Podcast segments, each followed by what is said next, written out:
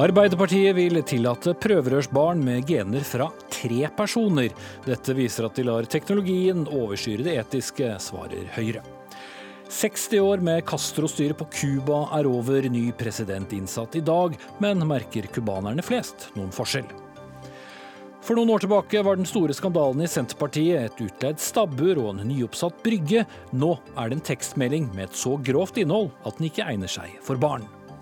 Og er um, slektstreet viktigere enn utdanning for bønder? Alle som eier naturressurser her i landet må på skolebenken, mener agronom. Hva? Gjelder ikke 400 år med nedarvet kunnskap nå, svarer bonde og Høyre-politiker.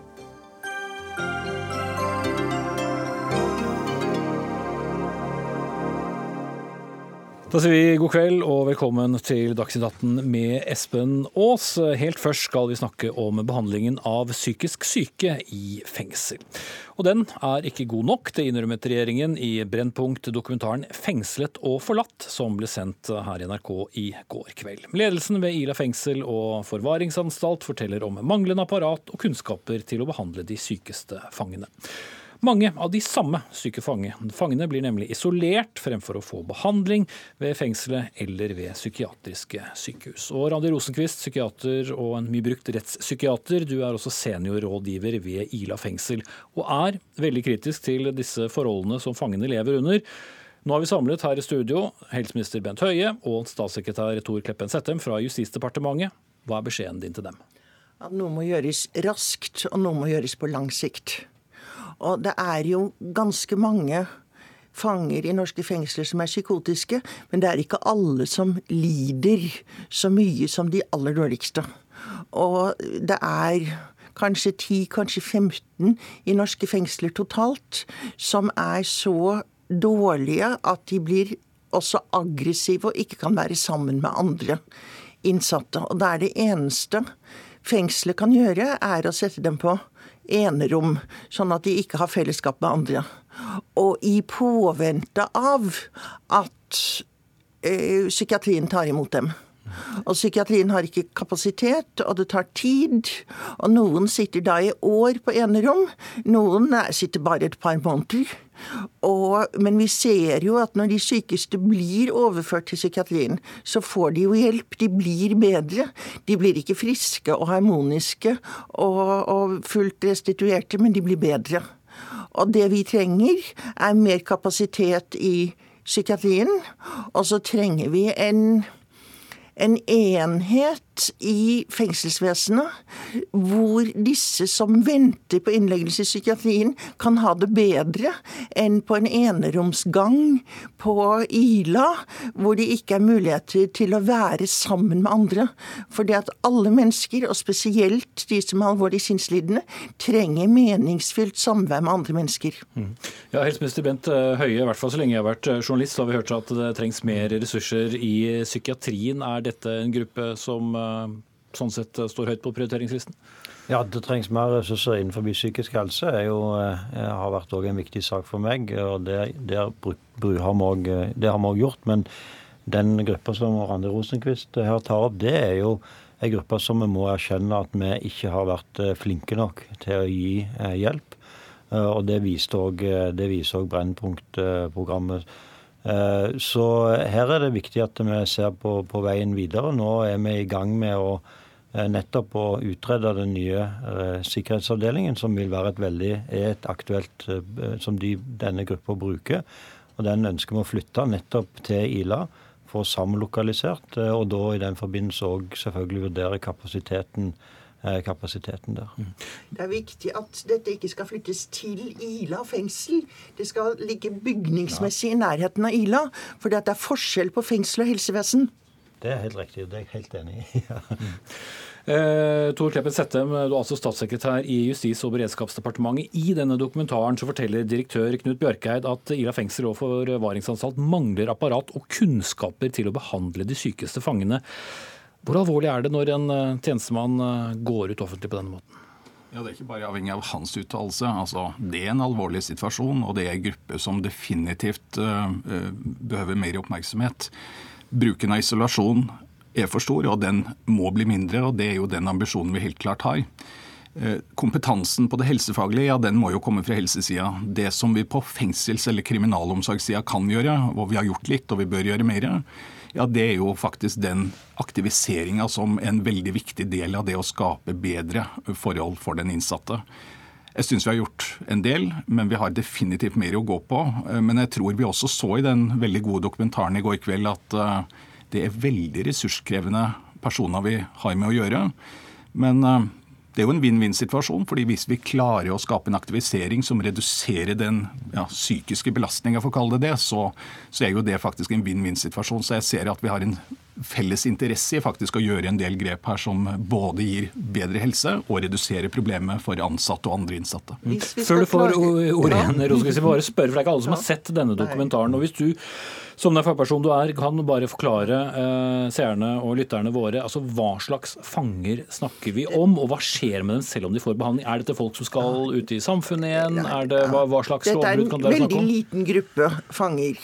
Og de er antagelig så syke at de resten av livet skal være innen psykiatrien. Og de vi får over til psykiatrien, de Altså i min tid på Ila så har vi vel fått over ti stykker eller noe sånt nå. Og, de som gikk over tidligst, de er nå ute i vernede boliger på tvungen psykisk helsevern med god oppfølging fra helse- og sosialvesenet. Så det er bra. Mens på Ila så blir de jo da bare det som så vakkert heter eneromsplassert. Og da sitter de jo i en liten celle, som vi så på den filmen, og blir bare for forsterket sin egen psykose, sine vrangforestillinger, sin paranoia. Og de blir negative, og de trekker seg jo enda mer tilbake. Og Ila er, trenger arkitektoniske bedre løsninger. Det høres dyrt ut? Hva? Det er, det... er dyrt, ja. Det er det. Men det er dyrt å være anstendig overfor en liten gruppe innsatte som er veldig syke. Mm. Eh, Bent Høie, altså, I går snakket vi om en helt annen gruppe, men det handler jo om eh, for så vidt de samme, samme helsebudsjettene. Det handlet om, om, om, selvmord i den eh, samme psykiatrien. Det er kanskje lett å tenke at dette ikke nødvendigvis er en, en gruppe som vil stå høyest opp på, på listen? Hos meg så står uh, psykisk helse høyest opp på listen. Og så er jeg helt enig i at uh, akkurat de som eh, Randi Rosenkrist tar opp, og som hun har hatt et sterkt engasjement for over mange år, det er en gruppe som veldig sjelden har blitt sett. Eh, vi gjorde et grep fra vår regjering, som er kanskje et av de eneste politiske grepene som er gjort på veldig lang tid, nemlig å etablere ressursteamet, som må komme fram i, i programmet, som gjør en veldig viktig jobb. Men jeg er helt enig i at det er helsetjenesten og mitt ansvar å sørge for at de òg får helsehjelp. Og det er jo sånn at I Norge så kan en eh, bli eh, dømt enten til fengsel eller til psykisk helsehjelp. De som er på Ila, de er i utgangspunktet dømt til fengsel. Men det at en er dømt til fengsel, det skal ikke være en hinder for at en skal få nødvendig helsehjelp når en har behov for det. Eh, og Derfor er det sånn at det er helt, helt klart at det er helsetjenesten sitt ansvar å gi òg disse helsehjelp når de har behov for det. Utfordringen er selvfølgelig, som også Randi er inne på, at dette er personer som er veldig syke.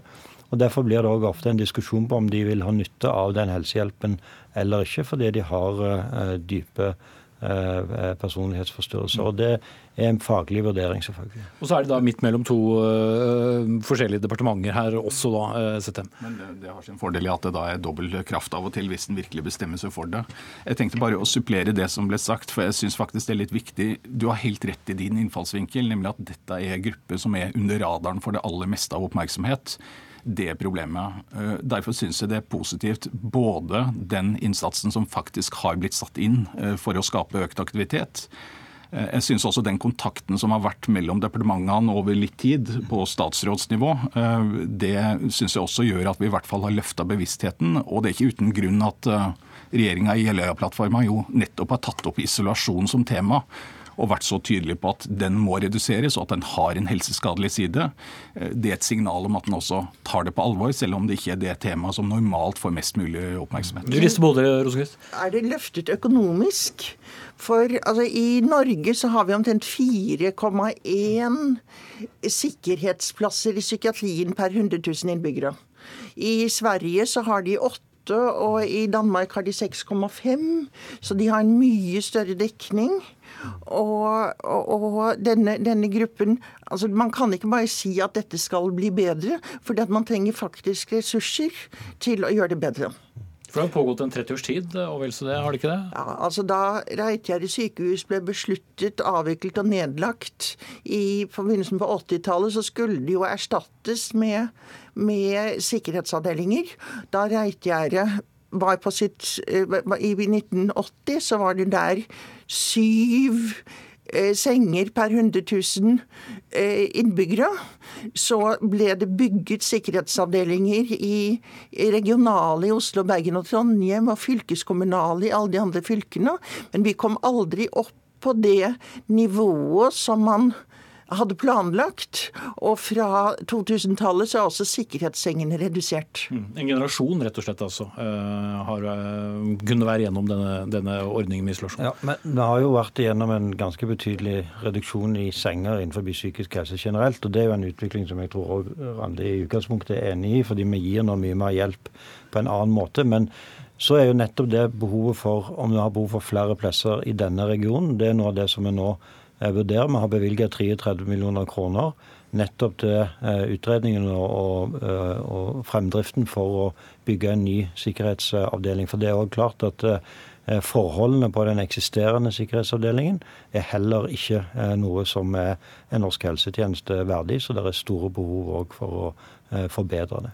Jeg vet jo at mange har dratt nytte av den psykiatrireformen som har vært jobbet med de siste 20 årene. Men de dårligst fungerende, de som trenger profesjonell, høyprofesjonell omsorg resten av livet, de har ikke vært med på oppturen i utbyggingen av norsk psykiatri. Eh, bare spørre deg også, Settem, Din forrige sjef eh, Sylvi Listhaug omtalte jo noen av disse, altså f.eks. pedofile overgripere, som eh, sitat monstre. Mange vil kanskje tenke seg er det riktig ressursbruk å bruke så mye penger på en gruppe eh, som ikke skal eh, ut eh, i samfunnet, mest sannsynlig? Sylvi Listhaug var nok da mest av alt opptatt av det å avdekke og hindre den type kriminalitet i å skje. Eh, men det er klart at når vi som samfunn setter mennesker i fengsel, så har vi en forpliktelse også til å behandle dem på en verdig måte, uansett hvor alvorlig kriminalitet de har begått. Mm. Eh, altså, Vi snakker om eh, over, over, 30 år. I løpet av denne tiden, i mange år, så har da Norge fått kritikk fra både FNs komité mot tortur og Den europeiske komiteen mot tortur om Norges behandling av eh, psykisk syke fanger. Mange lurer kanskje på hvorfor ikke det høres på? Det lyttes da til. Definitivt. Eh, og det er jo det eh, mye av dialogen mellom de to departementene går i. Det er jo nettopp med utgangspunkt i den typen kritikk som vi får. Eh, på en del områder som vi nå ikke berører i denne debatten, så har det jo vært positive fremskritt som vi tross alt skal glede oss over. Og så nevnte jo helseministeren nå et samarbeid som gjør at vi antagelig kan rent fysisk få en nærmere tilknytning mellom helse og, og kriminalomsorgen, eller Ila fengsel. Eh, og den aktiviseringsbiten som vi allerede har satsa på, den eh, har vi jo nå vurdert som veldig vellykka. Og jeg tror nok at det ligger en del i det samspillet med altså nærmere etablering rent fysisk, som gjør det også lettere å samarbeide i det daglige og den aktiviseringa, det tror jeg i sum faktisk også kan være et løft for denne gruppa. Men enhver som har fulgt eh, politiske prosesser, vet at de tar tid. Eh, ting skal bestemmes, ting skal utredes, det skal diskuteres før det i hele tatt kan bli snakk om å bevilge en eneste krone. Så hva kan vi se for oss hvis vi skal ta et røft anslag før noe kan skje med denne pasientgruppen? Jeg overlater til Bent Høie å avsløre hemmeligheter fra statsbudsjettet. Jeg har allerede gitt et veldig klart eh, oppdrag for 2018 Eh, til helseregionen. Og det gjelder òg Helseregion Sør-Øst, på at de skal prioritere høyere og gi eh, denne pasientgruppa et bedre tilbud. Eh, så det er selvfølgelig et oppdrag som jeg venter følges opp. I tillegg så har vi styrka budsjettet nettopp på helsetilbudet innenfor fengselshelsetjenesten. Og så er vi jo da i gang med nettopp å ha bevilga penger til å få til en, en nærhet mellom Eh, disse to institusjonene, som jeg tror vil være både positivt for eh, pasientene, de innsatte, men òg for fagmiljøene og muligheten for å få det enda bedre samarbeid. Men kan ikke vi få penger på revidert nasjonalbudsjett til å ruste opp en enhet på Ila, sånn at vi faktisk kan gi disse innsatte, syke menneskene, en anstendig omsorg mens de venter på at sykehusene blir bygget? Ja, for Hva er det første tegnet du trenger å se av praktisk politikk før du tror at noe skjer, Rosenqvist? Det, det er jo penger til å ruste opp en, en venteavdeling, som vi kan gjøre på et halvt år. Et sykehus tar fem år å bygge. Så, så det er definitivt det første jeg vil se. Mm. Tror, du på, tror, du at du kommer til å se det? Jeg har jobbet i denne omsorgen i 40 år, og jeg er jo ikke direkte optimistisk. Men hvis de ser veldig saklig og interessert ut her, så syns jeg jo at det kan være et eh, jeg vet jo at de ikke kommer til å love i dette programmet, men jeg syns vi får håpe at det blir noe ut av det. Forsiktig optimist der altså, og denne ordningen eh, med psykisk syke fanger har altså passert 30 år. Vi får se om det blir flere eh, jubileer, hvis jeg kan bruke det ordet. Takk til Randi Rosenquist, psykiater og seniorrådgiver Vila fengsel, helseminister uh, Bent Høie og statssekretær i Justis- og beredskapsdepartementet Tor Kleppet Sette.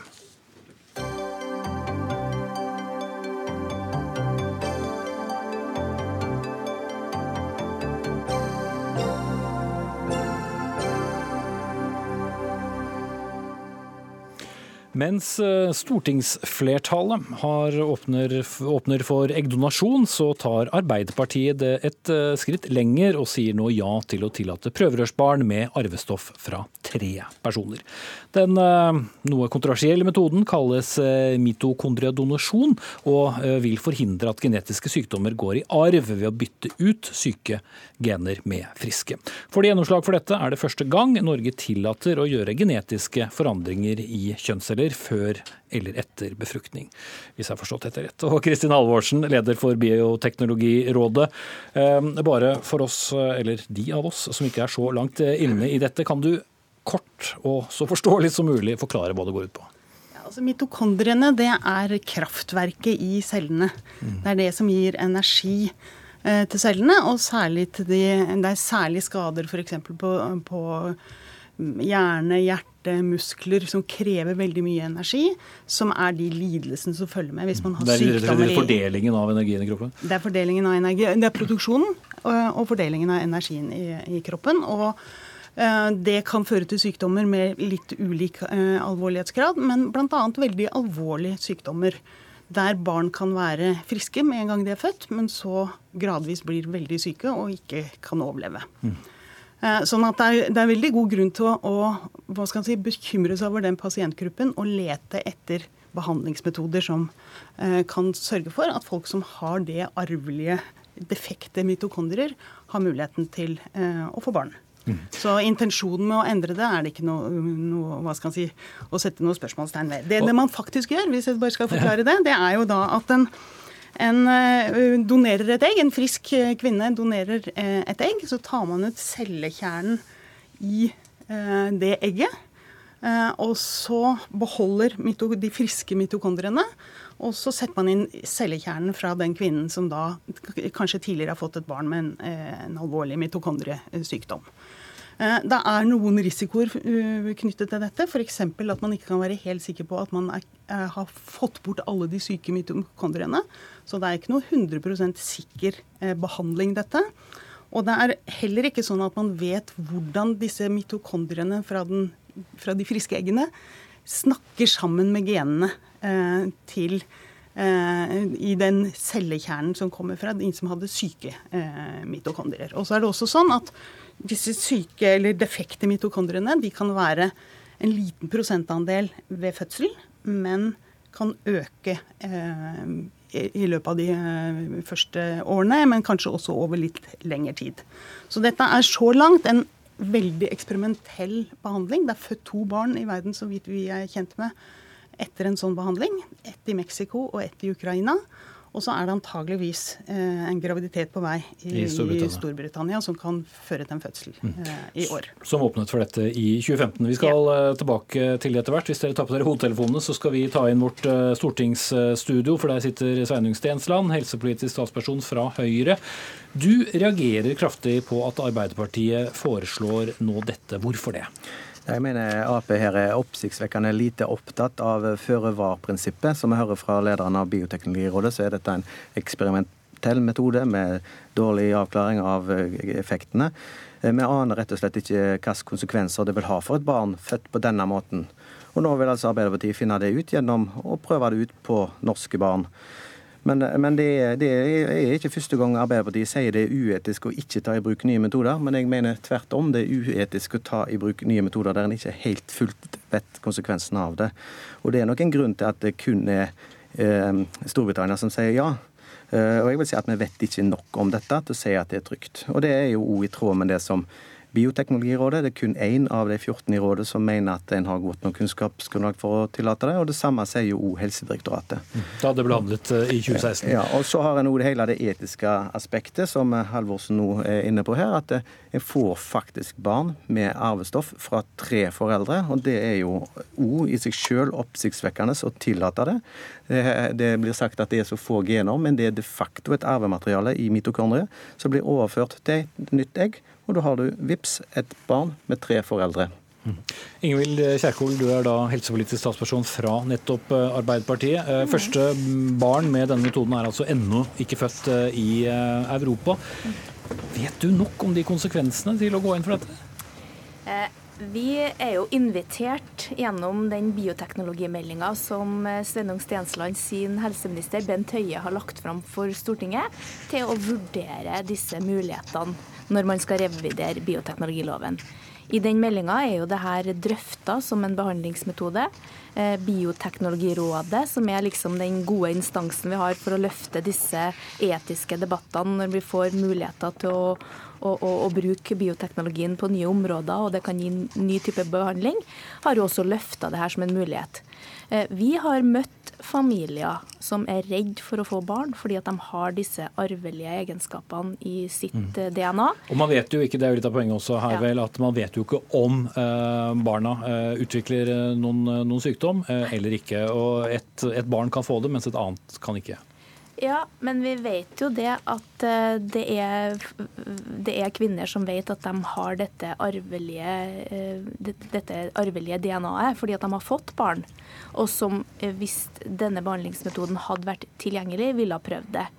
I Storbritannia hadde de en stor og bred debatt om dette her. Da var helse- og omsorgskomiteen på besøk og snakka med veldig mange eh, parlamentsmedlemmer, eh, og fikk eh, god forståelse av hva det her innebærer. Three parent baby var jo mer et kommunikasjonsgrep. For at jeg mener det ikke er grunnlag for å si at disse barna får tre foreldre. Men arvestoff fra tre? Ja.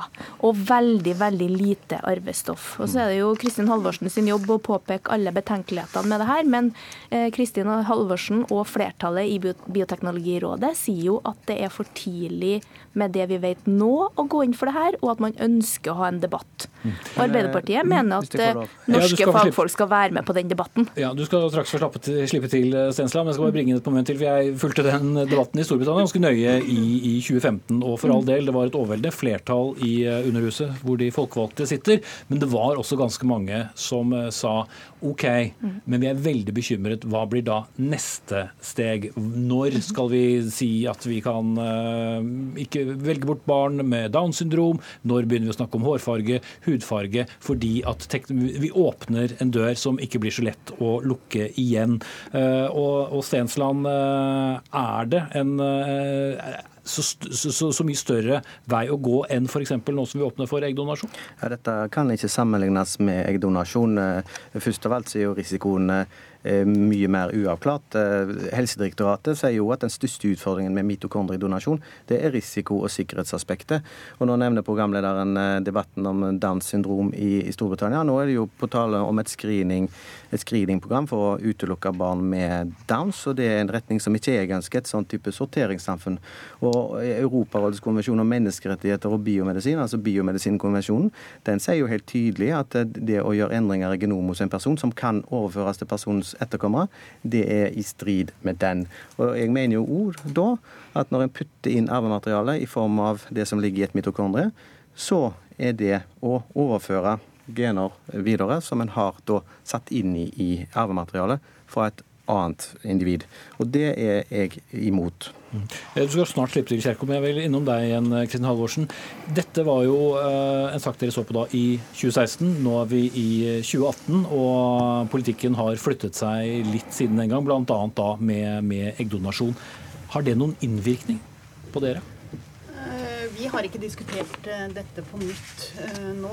Hva skal til for at dere gjør det? Jeg syns at disse vurderingene som vi gjorde i 2016, de står uh, fremdeles. Og det er fordi at hovedvekten i, bak rådet fra Bioteknologirådet fra 2016 går på det som dreier seg om risiko i forhold til en såpass umoden behandling, da, og ikke de etiske motforestillingene. For det er helt riktig som Ingvild sier, at det er 37 gener i mitokondriene og 23 000 gener i cellekjernen. Så det er veldig lite. Mm. 0,1 til 0,2 av ja, barnets I tillegg er det sånn at kvinner som har samme mor, de har samme gener i mitokondriene.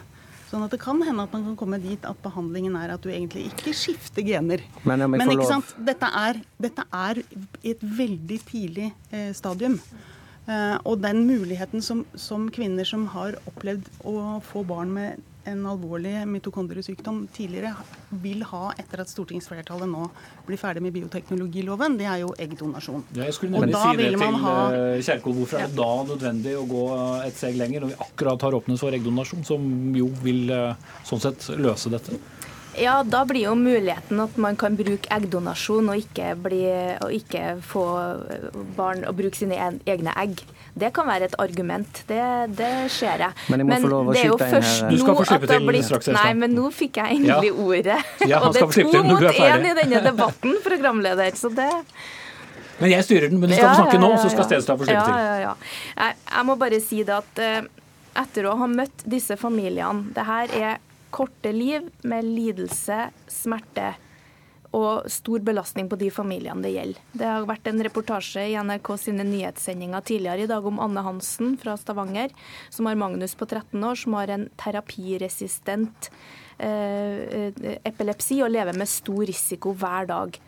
Eh, motstanderne mot å ta nye muligheter i bruk kan ikke komme trekkende med screeningprogram for Downs syndrom når vi diskuterer en mulig behandling for disse familiene. Det er ikke respektfullt, det er ikke det vi diskuterer.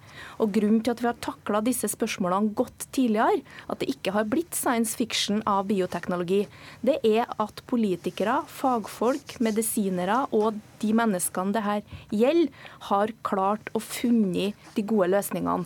Det er jeg sikker på at man kommer til å gjøre i dette tilfellet også. Men Arbeiderpartiet syns det er riktig å peke på det her som en mulighet for de familiene i Norge som lever med usikkerhet og store belastninger i hverdagen.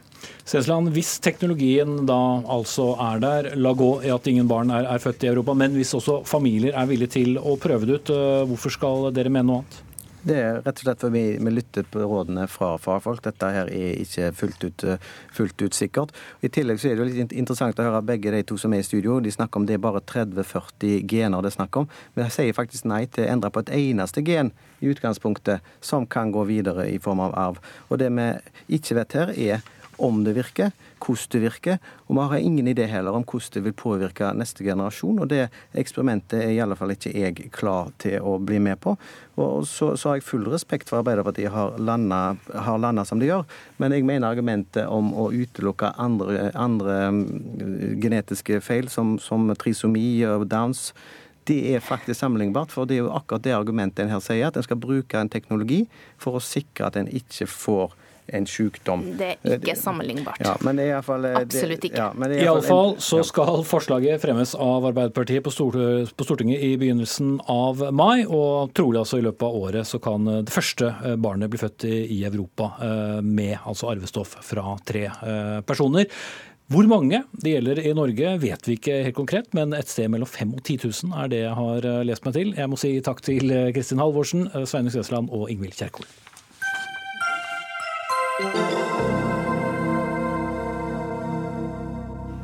For første gang siden 1959 heter fra i dag av presidenten på Cuba noe annet enn Castro. Miguel Diaz Canel er mannen som rykker opp fra vervet som visepresident og erstatter etter Raúl Castro, som har hatt stillingen siden hans bror Fidel ble for syk til å lede landet. Spørsmålet er eh, likevel hvorvidt den jevne cubaner vil merke særlig forskjell. Og Anders Magnus, eh, vår korrespondent på det amerikanske kontinent, hvordan mottas denne nyheten i USA, som jo har fulgt mer nøye med på Cuba enn de fleste andre nasjoner? Den mottas omtrent eh, på samme måte her i USA som på Cuba, nemlig med et stort gjesp. Det var på forhånd eh, kjent eh, veldig lenge at det var Diaz Canel som skulle overta. Og det er ingen, verken her eller på Cuba, som regner med at det blir noen store endringer i statsstyret eller den økonomiske politikken. Og folk flest tror heller ikke de kommer til å få det noe bedre med den nye presidenten, som jo eh, regnes som å være veldig konservativ kommunist. Det høres jo litt eh, snodig ut å si konservativ kommunist, men eh, de, det cubanske kommunistpartiet er jo veldig eh, restriktiv når det gjelder alt som heter privat virksomhet.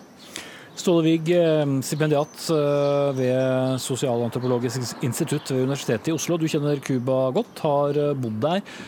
Hvor stort er eh, ønsket om endring blant cubanere?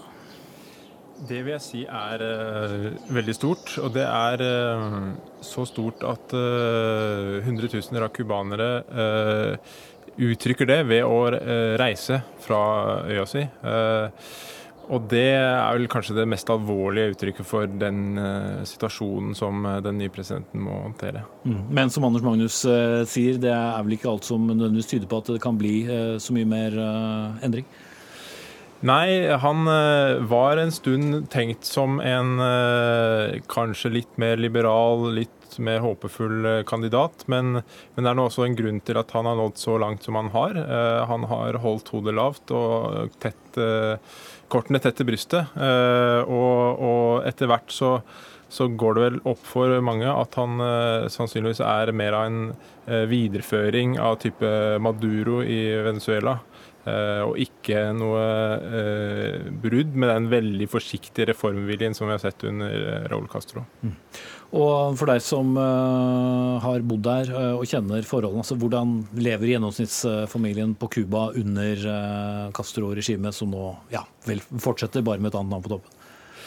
Det er Altså, Cubanere jeg kjenner, sier ofte når de blir sammenlignet med haitianere f.eks., som man gjerne gjør, at viser at det, det, er ikke en ekstrem fattigdom, det er ikke uh, ekstrem sult. Uh, men, eh, men, eh, så sier de jeg, vil ikke, jeg sammenligner meg ikke med dem som ligger bak meg, jeg sammenligner meg med den som ligger foran meg. Eh, og etter så mange år med slit, så er det en apati og en, en veldig følelse av at det ikke går framover, at det står stille og et vanskelig liv hvor det er mangel på, eh, fortsatt mangel på veldig mye. Nå om dagen finnes det knapt egg på Cuba. Eh, så, så, det er en del eh, vanskeligheter som, som, bare går med på det å leve og overleve i hverdagen. Mm. Eh, Anders Magnus, det ble jo gjort noen spede forsøk på å normalisere forhold, hvis det er riktig ord, under president Barack Obama. Eh, hvor virkningsfullt og ektefølt det var, er vel for så vidt noe omdiskutert. Men forholdene mellom Cuba og dagens eh, regjering i USA? Det, det, var nok et eh, ektefølt forsøk fra Barack Obamas side på å nå fram. Eh, men Trump har jo reversert en del av den politikken. Innført nye restriksjoner på reise til Cuba og også på valutaoverføringer. Så Trump er absolutt ikke noen tilhenger av et, eh, en sånn oppmykningspolitikk eh, overfor eh, Cuba. Men på den andre siden, på den cubanske siden, så er jo Diaz Canel han er jo heller ikke noe glad for denne tilnærmingspolitikken. Han har jo tvert imot sagt at vi har ingenting å tilby USA. Hvis, vi skal, hvis de ønsker å tilby oss noe, så er det greit, men vi kommer ikke til å tilby dem noe som helst. Og han sier også at han eh, liker ikke den tilnærmingspolitikken som Obama førte, så det er en slags indirekte kritikk av sin forgjenger Raúl Castro. For som han sier, at eh, det Obama forsøkte å gjøre, var bare å lure oss og ødelegge vår revolusjon gjennom disse tilnærmingsforsøkene. Og det er selvfølgelig det, det som han sikter til da, er jo at med en større kontakt med USA, så kunne man også få et større privat næringsliv, mer turisme, flere dollar inn på Cuba. Og da ville nok kanskje flere mennesker miste den ideologiske rettroenheten. Det er frykten til, til kommunistpartiet. Men eh, Anders, altså USAs Cuba-politikk gjennom de samme 60 årene, har, har den vært noen suksess? Ikke på den annen måte enn at det har holdt landet nede. og Kommunistpartiet har jo ikke blitt spesielt populært blant egen befolkning av den grunn. Men, men, det er klart at det hadde vært mye bedre for både Cuba og for USA at man hadde løsnet på dette, og at man kanskje hadde fått til en, en tilnærmingspolitikk og en gradvis liberalisering på Cuba. Det kan man kanskje håpe på nå. Og det kan også være at den nye presidenten er mann som kan gjennomføre det, men vi skal huske på at han har en syvende far hengende i hornet på veggen, og det er Raúl Castro.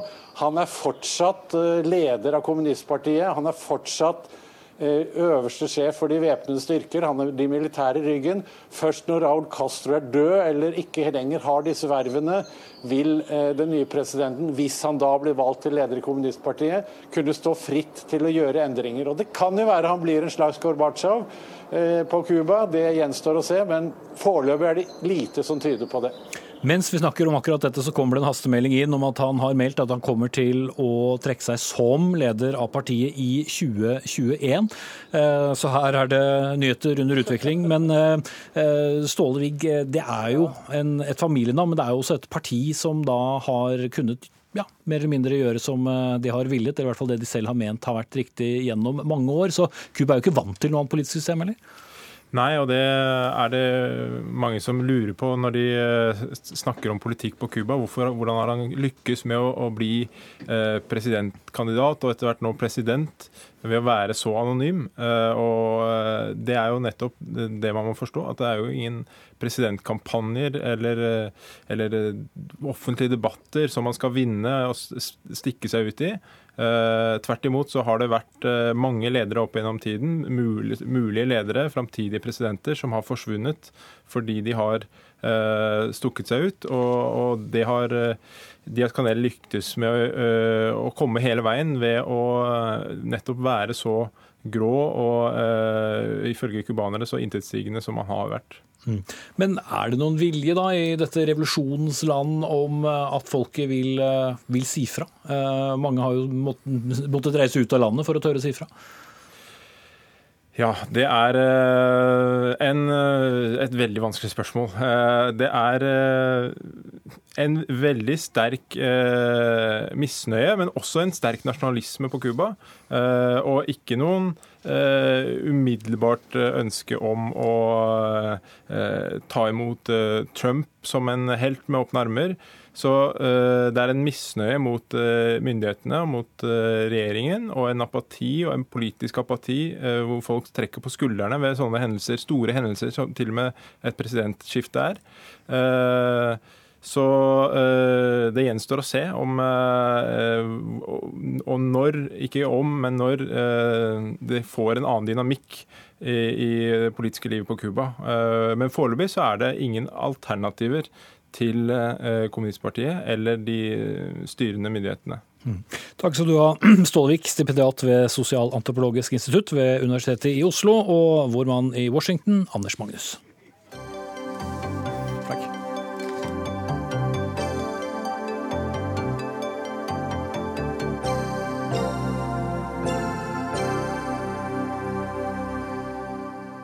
Da skal vi over til denne ukens, og for så vidt forrige ukes, mest omtalte tekstmelding. Nemlig den som tikket inn på Messenger-kontoen til tidligere Senterpartileder Liv Signe Navarsete i 2016, med ordlyden 'Vi har lyst, lyst på fitta di'.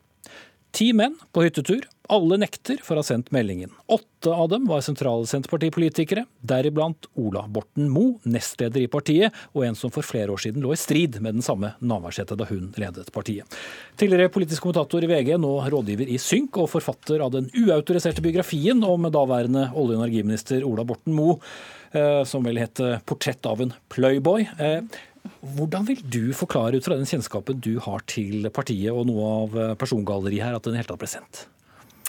Nei, At en slik melding kan bli sendt, det er tror jeg, er ganske komplisert å forstå for noen som ikke var til stede. så Det skal jeg ikke begi meg inn på. Men jeg syns det er noe veldig talende i det bildet av at alle ti nekta. Eh, fordi at Hvis alle ti da sier at de er uskyldige, så går det også an å tenke seg at man kan snu det på hodet og si at alle ti har litt ansvar for dette her til sammen. Mm. At det er et slags kollektiv. Uh, og det er jo det litt uh, Så det blir på en måte et slags bilde av hva metoo handler om. ikke sant? Et oppgjør med en kultur der noen tar seg til rette, og andre eh, holder kjeft. Og det er jo Sånn sett så syns jeg dette er et godt bilde på kanskje akkurat det. Mm. Tror du denne meldingen hadde blitt en offentlig sak hvis den hadde kommet ikke for to, men si ti år siden? Det er helt umulig å si. Den er jo dryg, vil jeg si. Men det er klart at seksuell trakassering har fått en helt annen posisjon, som, eller helt annen eh, si, oppmerksomhet som følge av metoo. Men det er ikke bare metoo. det er jo, Først og fremst jo, eh, har vi fått en annen oppmerksomhet om seksuell trakassering fordi det er et, Metoo er jo et resultat av at så mange kvinner eh, har gått inn i uh, yrker som menn tidligere hadde. Det har vært en utdanningsrevolusjon. Kvinner har kommet inn på juss, legeyrket. Jeg sjøl gikk jo inn i journalistikkyrket på 90-tallet. Vi som gikk inn på universitetet da, vi er jo, altså nå er jo kvinner i flertall på høyere utdannelse i Norge.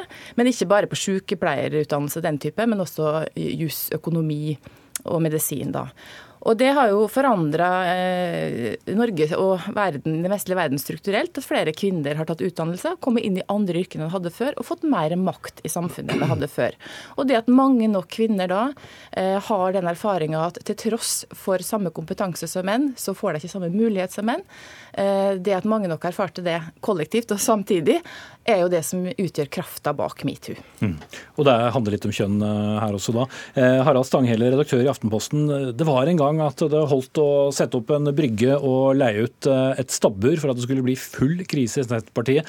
Da må vi tilbake til Åslaug Haga, som, som gikk av pga. de sakene. Det kan jo virke som om skandalenes karakter har endret seg opp gjennom årene? Ja, både ja og nei. De av oss som husker valgkampen i fjor, vet jo at eh, det var mye bråk rundt ei brygge da også. Eh, det var brygga til Jonas Gahr Støre. Sånn at fremdeles er det nok sånn at liv- og læresaker, og ikke minst eh, saker som dukker opp som blir dårlig håndtert, det kan skape en skandale. Men at det med, med påvist seksuell trakassering, seksuelt maktmisbruk, både i politikk og i næringsliv, i media, at det er satt så voldsomt på dagsordenen, det skyldes metoo. Og jeg er jo overtydd om at, at, eh, dette er et tidsskille. Og eh, du spurte Elisabeth Skarsbø Moen om, om, om, dette kunne skjedd eh, før metoo. Nei, og det vet vi, fordi at denne saka ble jo ikke kjent da meldinga kom. Den ble kjent to år etter i lys av metoo. For det, det, har, det har stimulert mange og gitt mange mot til å ta opp eh, saker som en har bedt i seg tidligere. Mm. Guttekultur, garderobeprat har fått mange forskjellige betegnelser opp igjennom. Men eh, jeg må tilbake til den boken din, for det er jo et, eh, en liten del av den som veldig mange av oss eh, husker, og som kanskje fikk mest omtale, nemlig en viss badstuehistorie. Da man lagde det som et trønderbadstue, og satte på, på tørketrommel og varmtvann i, i, dusjen, som du da beskrev. Du kan jo kort fortelle den historien igjen, men du fikk også veldig mye reaksjoner på å ha beskrevet det. Ja, bl.a. Harald Sangel her mente jo at de hadde meldt overgang til moralismen. Jeg er ikke så sikker på, jeg får ønske deg velkommen over du også, Harald. Du er jo ofte her og kommenterer metoo-saker nå, jeg hører jeg, i Dagsnytt 18. Jeg tror Men... ikke jeg har konvertert til moralismen, jeg. Nei, det hadde ikke jeg heller. det mente jo jeg også. Men, men altså for de som ikke husker historien, bare fortell veldig kort hva som skjedde. Ja. Eh, nei, altså Det som skjedde, var jo at jeg var på jobb som forfatter, på oppdrag som forfatter. En eh, lang middag med eh, Ola Borten Moe, som da skulle portretteres i denne boka, og hans rådgiver eh, Vigdenes, som da ender på et nachspiel hos Vigdenes, der disse to gutta lager seg en badstue med tørket tørketrommel og dusj, og kler seg naken. Da forlot det lokalet. Eh, skrev jo om den fortellinga. Og Selv om Harald Stavanger og jeg var enige om, det, uenige om dette da, så er ikke det så relevant uh, nå. Uh, jeg tenker at det, det, viktigste var jo den begrunnelsen som jeg prøvde å komme med også da. Um, og som kanskje for uh, ikke, ja, ikke uventa forsvant litt i støyen. Men det var jo også det at Eh, dette her var jo nettopp et forsøk på å beskrive en, eh, denne mannskulturen i politikken. Og som jeg sa i stad, så er jo en av disse kvinnene som gikk inn i utdanningsinstitusjonene på 90-tallet, og er datter av feminismen, på en måte. Og vi fikk alle muligheter, kom inn i, da, for min del i politisk journalistikk, og opplever da en ganske sånn eh, vi var ganske naive, tror jeg, og opplever at, ikke, at det er en veldig sterk mannskultur som hersker innenfor politisk journalistikk. Eh, blant annet. Og det var mange av disse fortellingene som gikk rundt, som ble snakka om og fortalt eh, i eh, pressen, blant journalister og i politikken, men som aldri kom til offentligheten. Og det er vanskelig å skrive om kultur. Det er lettere de tingene som Harald Stanghelle var inne på her, når det gjelder å ta folk på helt konkrete brudd på lover, og, eller som jeg litt irritert kalte det da jeg var journalist, en sånn revisorjournalistikk. Men det er vanskeligere på en måte å, å å ta, tak i en kultur. Det er vanskelig å beskrive det, og det er i hvert fall vanskelig når det ikke har noen til å fortelle. Og det var jo ingen som ville fortelle. Så her havna jeg jo i en situasjon eh, der jeg sjøl blei eh, vitne til det, og brukte da meg sjøl til å fortelle en historie. Og jeg mente jo da også at det var relevant, selvfølgelig, ellers hadde vi ikke gjort det. Fordi eh, nettopp dette var omtalt. Både at Ola Borten Moe var omtalt, og hvordan han brukte eh, Ja, han var statsråd, han hadde stort ansvar i Norge, og hvordan hans atferd var. Eh, og det var ikke bare han, men andre politikere også. Og at dette eksisterte som en kultur i politikken, det var jo det jeg da forsøkte å beskrive. Mm. Ja, Som en eh, nestoren eh, og erfarne ringreven du er, Harald Stanghelle. Du, tenker, du ville tenkt annerledes hvis den historien hadde kommet ut etter, etter metoo enn du gjorde den gang? Nei, jeg håper ikke det. fordi at metoo dreier seg om seksuell trakassering. Og det dreier seg om maktmisbruk. Og hva to politikere og en VG-journalist alle erfarne gjør etter en lang kveld på byen på et nachspiel.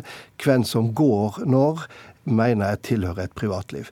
Dersom eh, Elisabeth Skarsberg Moen hadde opplevd ei trakassering, dersom hun hadde opplevd eh, eh Så to menn kler seg naken på et nachspiel og kommer ut til henne som eh, kvinnelig journalist, ville neppe gjort det for deg eller meg? Det er ikke trakassering? Jeg aner ikke hva som skjedde der, men det av den, den type episoder som hendte den gangen tilhørte et uh, privatliv, eh, og jeg mener det fortsatt. Og jeg tror at det er ganske viktig å skille, i hvert fall hvis en snakker journalistikk her, og mellom det som fortsatt kan tilhøre et privatliv, og det som dreier seg om trakassering, og det som dreier seg om maktmisbruk, som eh, hvor er forskjellen da, bortsett fra at uh, Skarsbø Moen var, var, journalist, hva er den store forskjellen mellom det og det som kanskje var fyllemoro, uh, og så valgte man å sende en SMS, eller så kan det ha vært et takk for sist fra en maktkamp, det vet vi jo ikke. Ja, Det er ganske stor forskjell, fordi at den type meldinger som du uh, refererte, og som er gjentatt nå så mange ganger i alle medier at hele landet har fått det med seg, det er trakassering. Eh, det eh, som skjer på et nachspiel, nattspill, hvis det ikke dreier seg om press, eller hvis det ikke dreier seg om, om trakassering, som Elisabeth aldri har hevda skjedde på, på, dette nattspillet, det mener jeg faktisk er privatliv. Og jeg tror at, at hvis en blander sammen dette, ja, da svekker styrka en også eh, den legitime og helt riktige og nødvendige kampen mot trakassering, eh, som nettopp metoo-kampanjen har fått øynene opp for. Og så ser jeg også at det kan være gråsoner her, og jeg ser at grensene er ikke krystallklare. Men jeg tror i hvert fall at eh, i media må en være ganske klare på hva som er trakassering som skal avsløres, og hva som er eh, røverhistorie. Mm. Der trekkes eh, i hvert fall grensene opp eh, på ny, kan vi vel si.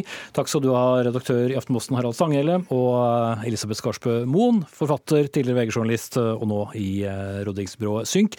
Vi har også for ordens skyld vært i kontakt med leder i Senterpartiet, Trygve Slagsvold Vedum, for å høre om han ville kommentere denne saken i dag, uten hell, og også forsøkt Liv Signe Navarsete selv.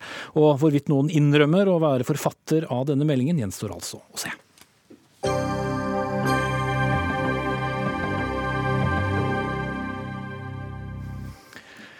Siste tema i eh, dagens Dagsnytt 18 den handler om eh, våre primærnæringer, i hvert fall en av dem. Og der har vi fortsatt en adel i Norge. En adel med enerett på mange av naturressursene våre, der slektstre er viktigere enn utdanning. Det kan vi lese i Samtiden, forfattet av deg, Ragna Kronstad, senior kommunikasjonsrådgiver og agronom i miljøorganisasjonens Sabima. Og adelen er grunneierne Hvorfor er denne så problematisk? Det er grunneieren eh, som på en måte eier eh, norsk natur. Eh, og det handler om naturressurser som matjord, skog, vann. Altså det vi trenger i fellesskap for å overleve som nasjon og som folk. Det er liksom Vi lever av mat, fiber, trenger mineraler. Så det er fellesskapets ressurser som eh, utnyttes av, eh, for næringsvirksomhet av grunneiere. Og det er det er en flott ordning, og jeg er veldig for et bondeeid landbruk som er styrt eh, etter bærekraftsprinsipper. Men når, når vi diskuterer grunneierens eh, makt, så, så, kommer den setningen fram at vi eh, ved, å over, ved å ha privat eiendomsrett, så vil automatisk eh, driv, naturen drives slik at det er eh, i bedre stand til neste generasjon. Og det mener jeg at er en for svak argumentasjon for at vi ikke skal ha en, en sterkere naturforvaltning i Norge. Og en, og en, du har bedre kvalitet på de som driver det? Ja, og jeg vil også Jeg, jeg synes også samfunnet har begynt å bli for komplekst. Det at det å bare overføre kunnskap fra en generasjon til en annen og, og tenke at det holder, at det ikke lenger er gyldig. Det uh, var gyldig i en tid hvor, uh, hvor uh, utviklingen gikk saktere. Nå går den i en rasende fart. Og det å drive med matproduksjon er en krevende kunnskapsbasert næring. Og jeg, jeg, forstår ikke hvorfor ikke da vi kan ha kompetansekrav også for å ta vare på matjorda vår, drive skogen og ta vare på naturressursene mm. våre. Det holder ikke å bare arve den, altså. Stortingsrepresentant for Høyre og bonde.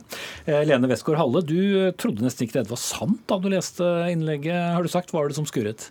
Jeg må jo innrømme at jeg ble litt satt ut. Eh, kanskje særlig fordi at kronikken setter eh, Eller tegner et bilde av oss bønder i dag som er veldig fjernt. Altså det å eh, skape et sånt kunstig fiendebilde, at vi har husmenn og adel, som liksom beskrives i kronikken, og at hun da er en etterkommer av en husmann osv., og, og setter det opp mot å karakterisere norske bønder som adel, det altså da, da, da er det jo ikke mye i et fjøs, for å si det sånn. For det er jo litt sånn eh, altså Bønder i dag de står opp tidlig om morgenen og drar i fjøset før de drar på jobb, veldig mange av dem.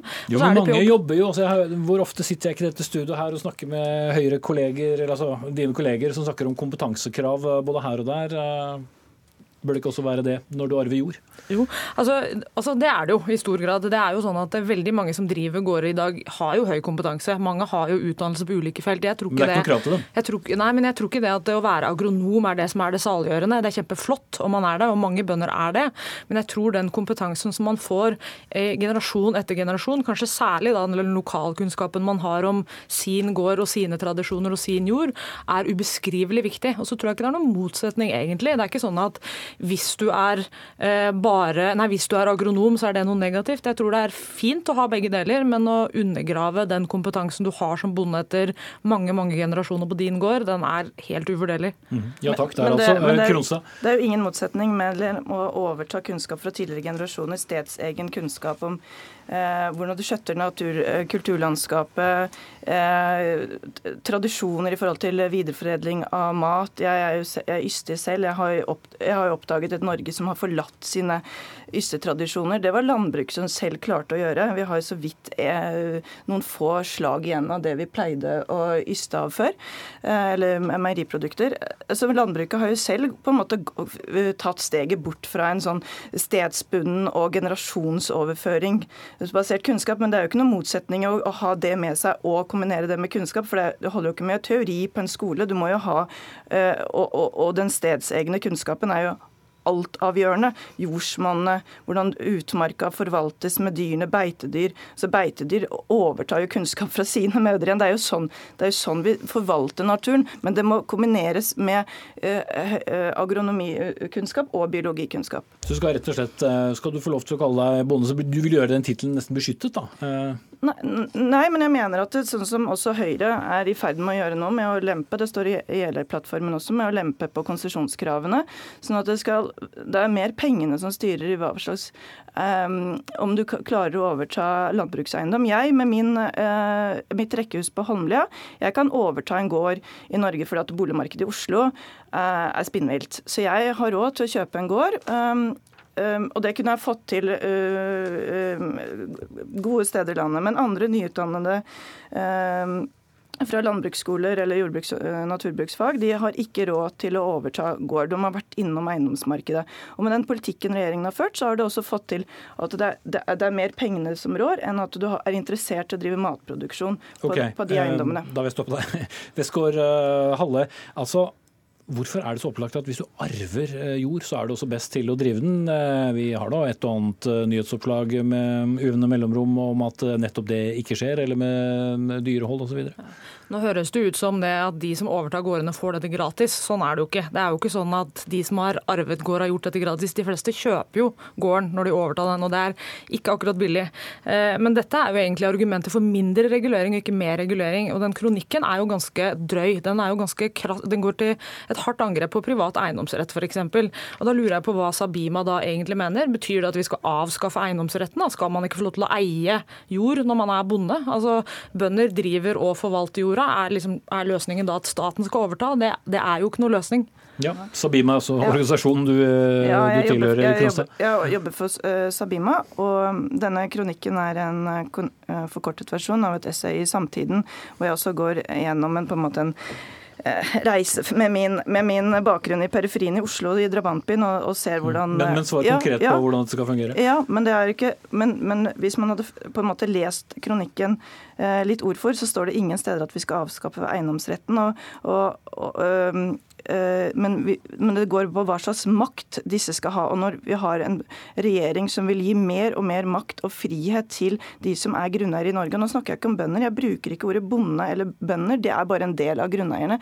Vi, flere, altså, vi er i ferd med å, å bli gardeiere og ikke gardbrukere. Det er veldig mange som forfakter bort gården sin. Det er veldig mange som bare har leier, altså, leier arbeidskraft. De jobber ikke lenger på gården, mange bønder. Men det, det som er hoved, ja, ja, men, det, men, men, hovedproblemet er jo altså også at, at grunneierne eh, Vi har en grunneierstyrt også forvaltning på i kommunalpolitikken. altså Næringsinteresser går som regel foran eh, miljøinteresser. og Det er det jeg er opptatt av. Å på en måte vise altså, skal, du, skal, du, som en, jo, en naturressursforvalter ikke kunne Du må jo ha basiskunnskap til å skjønne hvordan du skal forvalte naturen. Og hvordan skal jeg kunne stole på at, at noen som uh, eier eiendommene, arva eller whatever, spiller ingen rolle. Men de som eier, kan jo ikke bare si fordi jeg eier, så klarer jeg å overlate den i bedre stand til neste generasjon. Det er like mye spekulasjon i eiendom av land som det er på børsen. Mm. Ja, men så Hvis du da har odel, odel, på en gård, altså hva skal til for at ja, du skal få lov til å arve din eh, ja, familie? Det, det, det, det, står jo nevnt at du skal være skikket til å drive gården garn i konsesjonsloven, men det er jo ingen som bryr seg om å, å, ha kompetansekrav. Men det kan jo være innen fem år, da. Akkurat som med bo- og driveplikten. Så kan du ha innen fem år så har du et bevis på at du har tatt en utdannelse som gjør at du kan følge med faglig på det som skjer innenfor din, for din forvaltning av naturressurser, om det er skogbruk, eh, matjord eller utmarksressursene. Mm. skal holde eh, tilbake til Altså, eh, kompetanseheving og jeg- kompetansekrav. jeg Det er jo noe dere normalt sett er for. da. Jeg forsvarer veldig ofte byfolk ute på bygda, fordi det er en veldig sånn sterk motsetning mellom byfolk og bygdefolk. Innlegg som dette her gjør det litt vanskelig for meg, må jeg innrømme. Altså, det er sikkert fint å sitte på Holmlia og mene dette fordi man er utdannet som agronom, men hverdagen ute på gården er ganske annerledes. Og det å bruke begreper som adel, og at det bare er mannlige etterkommere til godseiere som får lov til å hogge tømmer, og at vanlige bønder egentlig er en naturadel eh, osv., og at man ikke kan stole på eh, folk som ikke er etterkommere til husmenn. Altså, det er jo en retorikk som bringer tanken til regimer som vi ikke ønsker. Og det er et veldig, veldig sterkt angrep på den private eiendomsretten å si det at hvis du eh, altså, Det er jo ikke noe, det er fritt frem for å kjøpe en bondegård. Det er jo ikke noe regel mot det. Det er jo ikke sånn at alle som driver gård i dag er steinrike folk. Det er folk som jobber beinhardt på gården sin og sliter for å få ting til å gå rundt. Du, du det blir ikke rik hvis du driver bondegård i Norge i dag. Men vi har også noen spesifikke krav her i NRK. og Det er nemlig at vi må holde tiden. Og nå er Men- denne men- men- men- debatten over, uansett hvor Ja. godt argument du har, eh, Ragna Kronstad eh, og Lene Westgård Halle, stortingsrepresentant for Høyre og Bonde. Ansvarlig for sendingen Dag Dørum, teknisk ansvarlig Finn Lie. Og her i studio satt Espen Aas.